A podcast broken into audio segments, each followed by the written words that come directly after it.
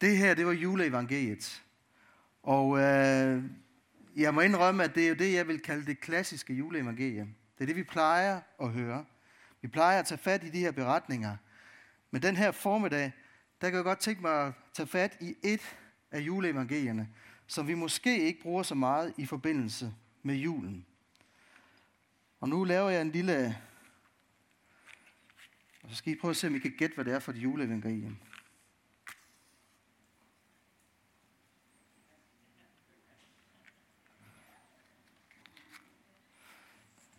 Der nogen, der kan gætte det? Det er Johannes. Nu sætter jeg den her nede, fordi ellers er der nogen, der sidder og tænker hele formiddagen, hvornår vælter han det der lys? Jeg kunne godt tænke mig at starte med at give jer en, et chok. Er I klar til det? Især jer unge mennesker.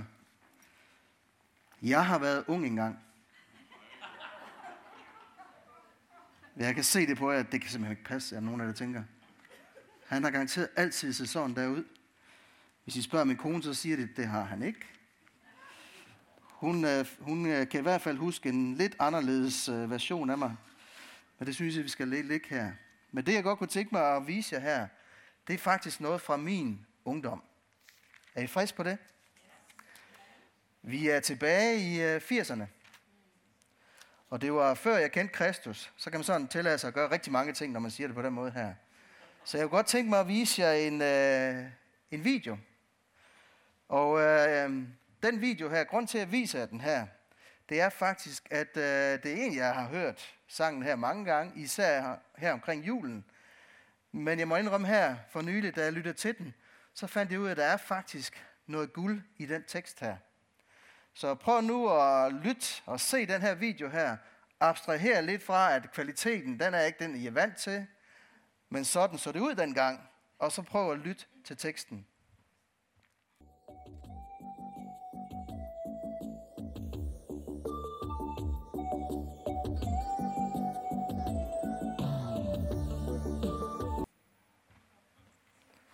Nogen, der kan genkende den?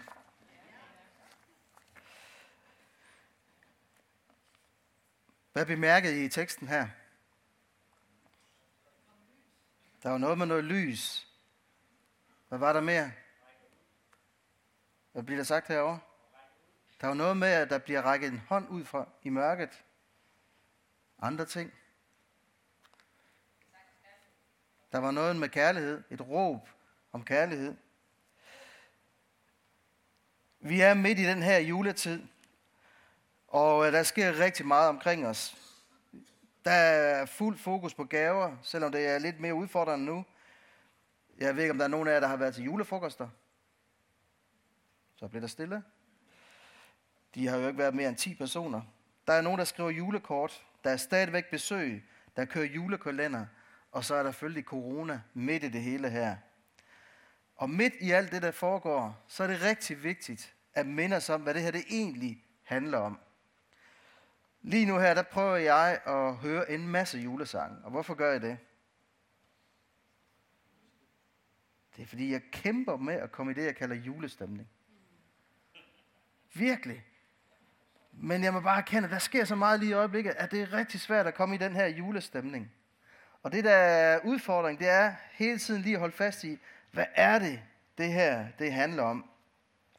Og derfor så kunne jeg godt tænke mig at pege på lyset den her formiddag. Og øh, jeg vil gerne læse fra Johannes Evangeliet, det første kapitel.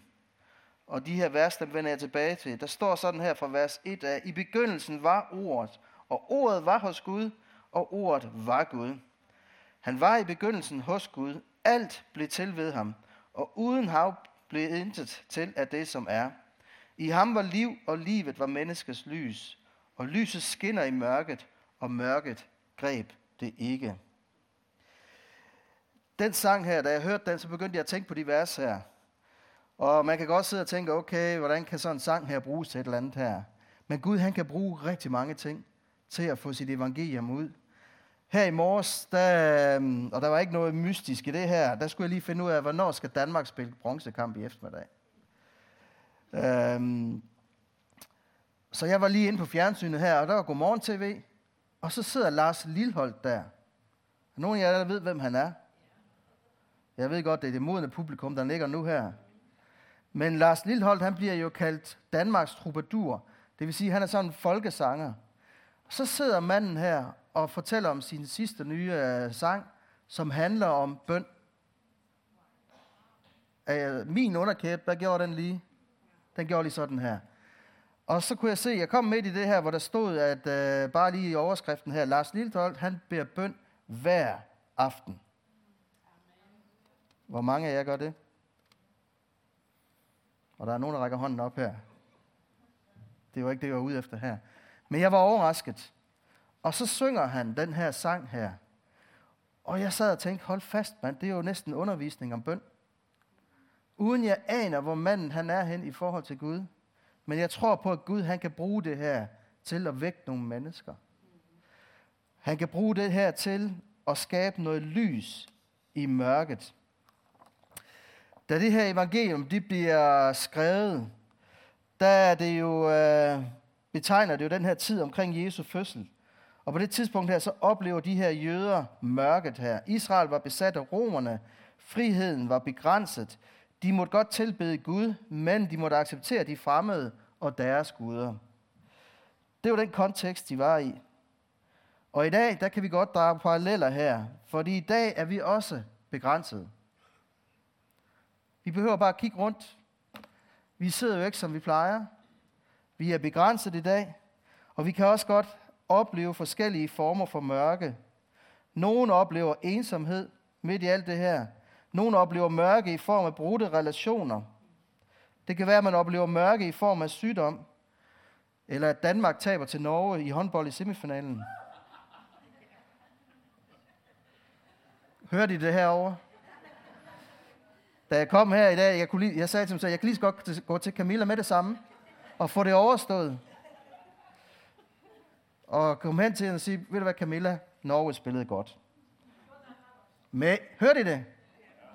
Fordi jeg fik hende til at sige det. Det er faktisk første gang, jeg har hørt Camilla sige det. Hun sagde, at Danmark spillede også godt. Men jeg må indrømme, der fredag aften, da kampen var over, der var der et form for mørke i mit liv. Jeg kan lige så godt indrømme det. Jeg var en lille smule nede. Jeg var en lille smule stille. Øh, så den skulle lige synge ind, den her. Men lyset kom, og i dag der skal vi spille om bronzemedaljer. Så der er håb stadigvæk. Midt i alt det her, som Israel stod i her, der bliver der tændt et håb. Og inden jeg graver lidt mere i det håb her, så vil jeg gerne slå nogle ting fast her. I de ord, vi læste her, der står det helt klart, at Jesus deler Guds evighed. Han var der fra starten, begyndelsen, første Mosebog, det første kapitel, og han er med til slut. Han er der fra starten, og han er med til slut. Og ordet her, som vi læser her, gør det helt klart, at Jesus er et med Gud. Så når vi nu fejrer den her jul, så skal vi have det i baghovedet her. Og Thomas Helvi og Søs Finger her, de synger om et håb i mørket. Og jøderne, de levede i det håb på det tidspunkt her. De håbede på en messias, der skulle komme. Og hvad havde de det her håb i? Jamen, de havde det i form af, at nogle af profetierne fra det gamle testamente, der findes over 300 af dem, de pegede på, at på et tidspunkt, så vil det her håb komme til jorden. En af dem pegede på det. Det var fra Isaias. Og øhm, det syvende kapitel. Og det kunne jeg godt tænke mig lige at læse op her. Esajas det syvende kapitel. Og Esajas var en profet. Og i hans bog, der Esajas bog, der findes der et hav af profetier omkring Jesus. Men i det syvende kapitel, vers 14, der står der sådan her. Men Herren vil selv give jer et tegn. Og så står der, se den unge kvinde skal blive med barn og føde en søn, og hun skal give ham navnet Emmanuel. Flere hundrede år før det skete, så blev det her forudset i Isaias, af Isaias. Og hvad betyder navnet Immanuel? Gud er med os. det er tørhed i halsen på grund af mundbind. Bare rolig. Så jøderne havde et håb, og det håb har vi lov til at tage del i her. Vi har lov til at tro på det her, som vi allerede sejrer som pegede på det. Og det vi kan stille os selv som spørgsmål den formiddag her, det er, har vi noget at have vores håb i?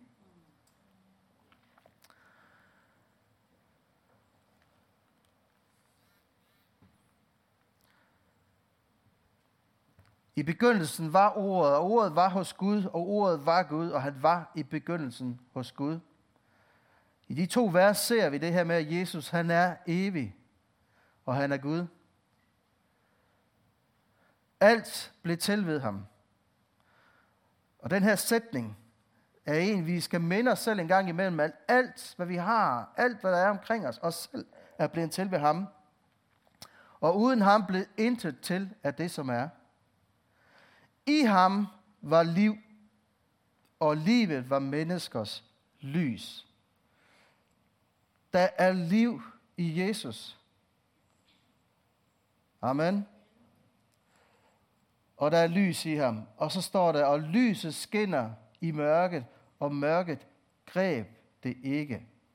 Hvis man går hen og tager den oversættelse, som kom før den her, vi har læst her i dag, og også tager den på hverdagsdansk, så står der, at mørke kunne ikke få bugt med det. Prøv lige at sige den sætning til dig selv her. Mørke kan, eller ly, mørke kan ikke få bugt med lyset. Og midt i alt det her mørke, vi oplever omkring os, som du måske opkræver, eller oplever dit liv her, så er det vigtigt at holde fast i det her med, at Jesus er lyset, og mørke kan ikke få bugt med det lys. Se, den unge kvinde skal blive med barn og føde ham, og hun skal give ham navnet Emmanuel, som betyder Gud er med os. Jeg var engang i mine unge dage, der kom det igen. Der var jeg ansat inde ved, øh, det hed Civilforsvaret dengang, og der lavede vi nogle øvelser med de værnepligtige. Og en af dem, den hed øvelse Moonlight, hvor de i 24 timer, der skulle de øh, prøve at blive presset. Og de kom selvfølgelig til at lave øvelser om natten. Og øh, en af øvelserne her, der skulle de, øh, de skulle jo gå rundt. Og så var der et sted, hvor jeg så skulle holde med min lastbil. Og øh, den her lastbil her, der stod der en lampe inde på ladet. Det, der var specielt, det var, at når man nu gik den her rute her, så ville man kunne se den her lampe i mørket. Fordi det var i en skov, men der var rigtig langt derhen. Og det var formålet med øvelsen, det var jo, at du kan se lyset derude, men du kan ikke se, hvor langt der er hen til det. Og det udfordrer dig lidt, når du ikke ved det, og du begynder at gå og gå, fordi du kunne se den her lampe på lang afstand. Hvorfor kan vi det? Hvorfor kunne vi det? Fordi lyset er stærkere end mørket. Og det kan ses på langt afstand. Men vi er udfordret, når vi ikke kan se, hvor langt der er hen til det. Går man længere ned i de her vers her, så står der, lyset, det sande lys, som oplyser hvert menneske, var ved at komme til verden. Og øh, den har jeg reflekteret lidt. Fordi øh, på et tidspunkt så øh, synger Thomas Hemmelig her, at øh, det er, handler om et håb fra Herodes til fremtiden.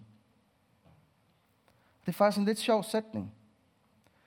Fordi den viser, at der sker jo noget omkring Herodes, men det er også noget, der rækker ind i fremtiden. Og det, når Johannes han skriver det her, så beskriver han jo dybest set en proces. En proces, som også kan overføres til os mennesker. Det her med, at det her med at få lyset ind i vores hjerter, kan godt være en proces. Øhm, fordi spørgsmålet var jo, kunne ikke bare skrive, at lyset var kommet til jorden, og Jesus han var født. Men han har haft et formål med det. Og jeg tror, at det han beskriver, det er det, som man med det smarte ord kalder inkarnationen. Inkarnationen er det her mysterie omkring, at Jesus han kom til jorden som Gud og blev menneske. Og det er noget, mange af de her kloge hoveder, de stadigvæk kæmper med. Hvad er det, der sker der? Hvordan kunne det lade sig gøre? Hvordan kunne Gud være Gud? Og samtidig være mennesker osv. her. Og det samme gælder med vores vandring. Vi kan godt tage en beslutning om, at vi vil lukke Jesus ind i vores hjerte, men det er stadigvæk en proces. Det er stadigvæk en vandring, der fortsætter hele livet. Ikke frelsen, men lyset kommer ind og arbejder med os. Og så synger Thomas Helvi om kærlighedens råb. Og Johannes har også klimakset på det hele. Vil I gerne se det her klimaks? Der var en, der ville se det, så er det nok. Dut, dut, dut. Den har vi her. Jeg er verdens lys. Den, der følger mig, det skal aldrig vandre i mørket, men have livets lys. Det her er klimakset her. At vi skal... Jesus han er livets, verdens lys, og følger vi efter ham, så skal vi aldrig vandre i det her mørke. Og det er en overført betydning. Vi kan godt opleve det stadigvæk, men vi er stadigvæk en del af lyset. Øhm, der er, jeg har lavet en fejl i min PowerPoint her, kan jeg se. Det er faktisk Johannes 8, 12, jeg har fat i der. Fordi i Johannes, det første kapitel, vers 12, der står der sådan her, og det er stadigvæk klimakset, men alle dem, der tog imod ham, gav han ret til at blive Guds børn, dem, der tror på hans navn. Jeg gentager det igen her. Klimakset i det, han skriver omkring lyset, der kommer til verden, det er, men alle dem, der tog imod ham, gav han ret til at blive Guds børn. Dem, der tror på hans navn. Er du et Guds barn? Hvad kræver det at være et Guds barn? Hvad tænker I? En gang til. Tror på ham og tager imod ham og vandrer i lyset. Her for nylig, da Morten, kan jeg lokke dig til at komme herop? Hele det her med lyset her og mørke, det er så vigtigt, fordi det er det, det handler om her. Der er masser af mørke rundt omkring. Og her for nylig, der snakkede jeg med Morten i telefonen.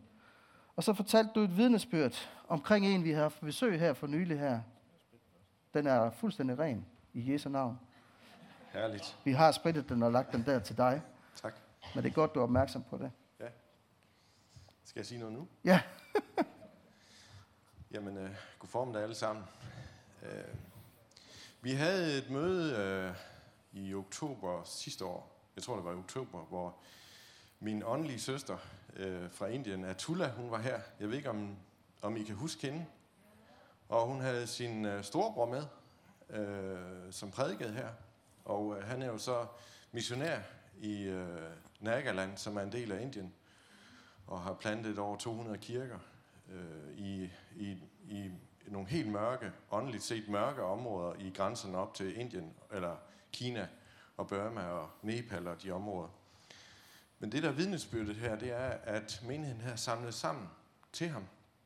Så han fik øh, nogle penge med, og øh, han besluttede sig for, da, han, da de kom derud til Indien, at det vil de øremærke til et bestemt område, for ligesom at sige, det der det er fra Blahøj.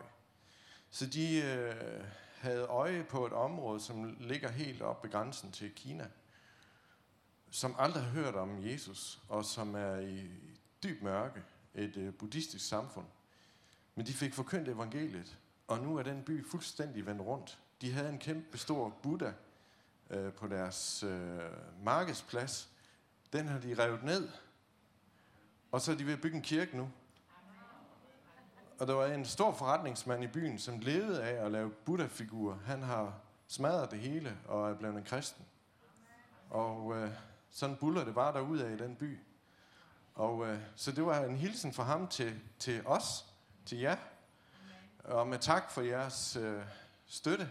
Og øh, jeg skulle også hilse fra ham og sige, at, at han, øh, han siger bare, Blahøj is alive.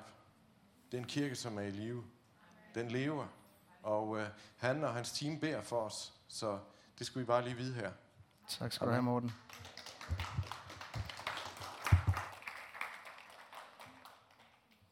Lyset er stærkere end mørket.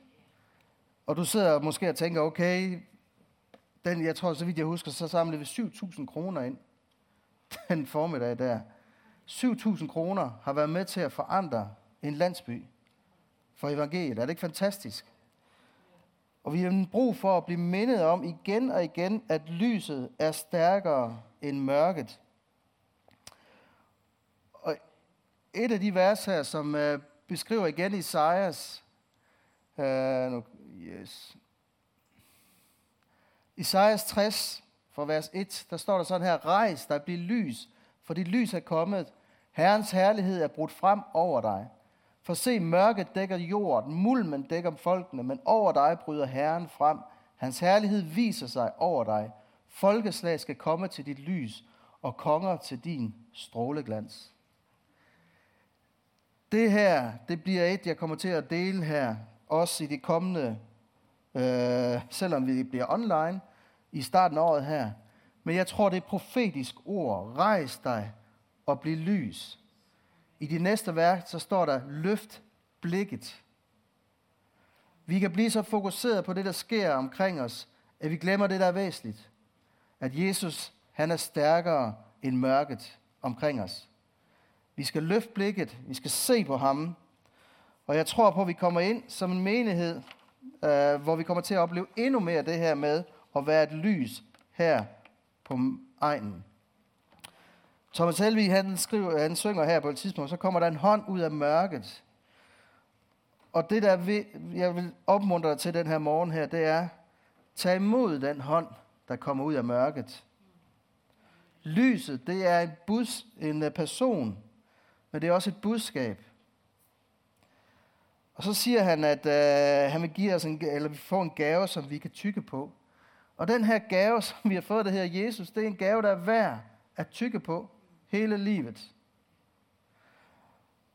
Og så siger den her kære Thomas her, han siger, undgå noget faktisk. For det han siger, vi skal undgå, det er at prædike kævl og splid, for så får vi skabt kævl og splid til evig tid. Så det er ikke bare at tage imod, det er også at undgå noget her. Og jeg ved ikke, er der nogen af jer, der ved, hvad ordet kævl betyder?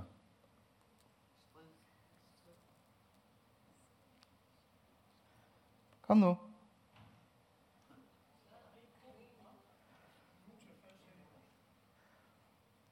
Jeg fik lige et chok, da jeg stod hernede, for jeg tænkte, okay, hvad betyder det ord her?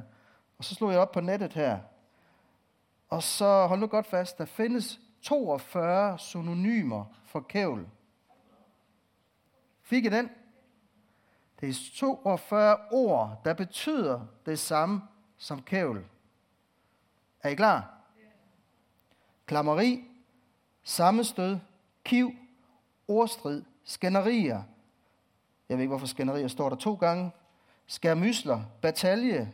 Så står der noget, der hedder trækasseri. Det skal jeg så have fundet ud af, hvad det betyder. Brok, brokker, snak, episoder, kævleri, fnider, rivegilde, basaraller, aner ikke, hvad det betyder. Klammer, rivninger, mundhuggeri, opgør, kævleri, skændsbål, skærmysler, splid, rivning, sofisteri, tvist, trætter, ufred, trakasserier, det er så et flertal, Basaraller, det er også i flertal. Bataljer, klammerier, disput, brokkeri igen, ophævelse, husbetakler. Øh, episoder, rivegilde, månhuggeri. Er det ikke vildt? Hvad gør de ting her? Er det lys eller mørke? Og det vil sige, det er mørke, der forsøger at kvæle lyset, men lyset er stærkere end mørket.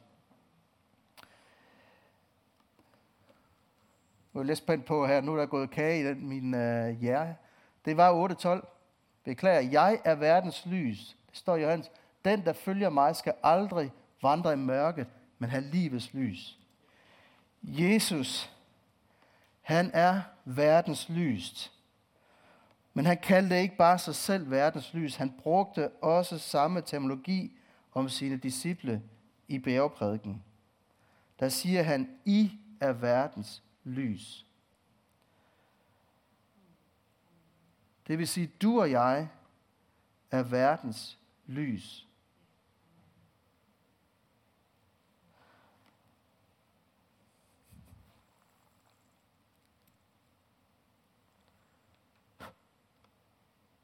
Hvad står jeg med her?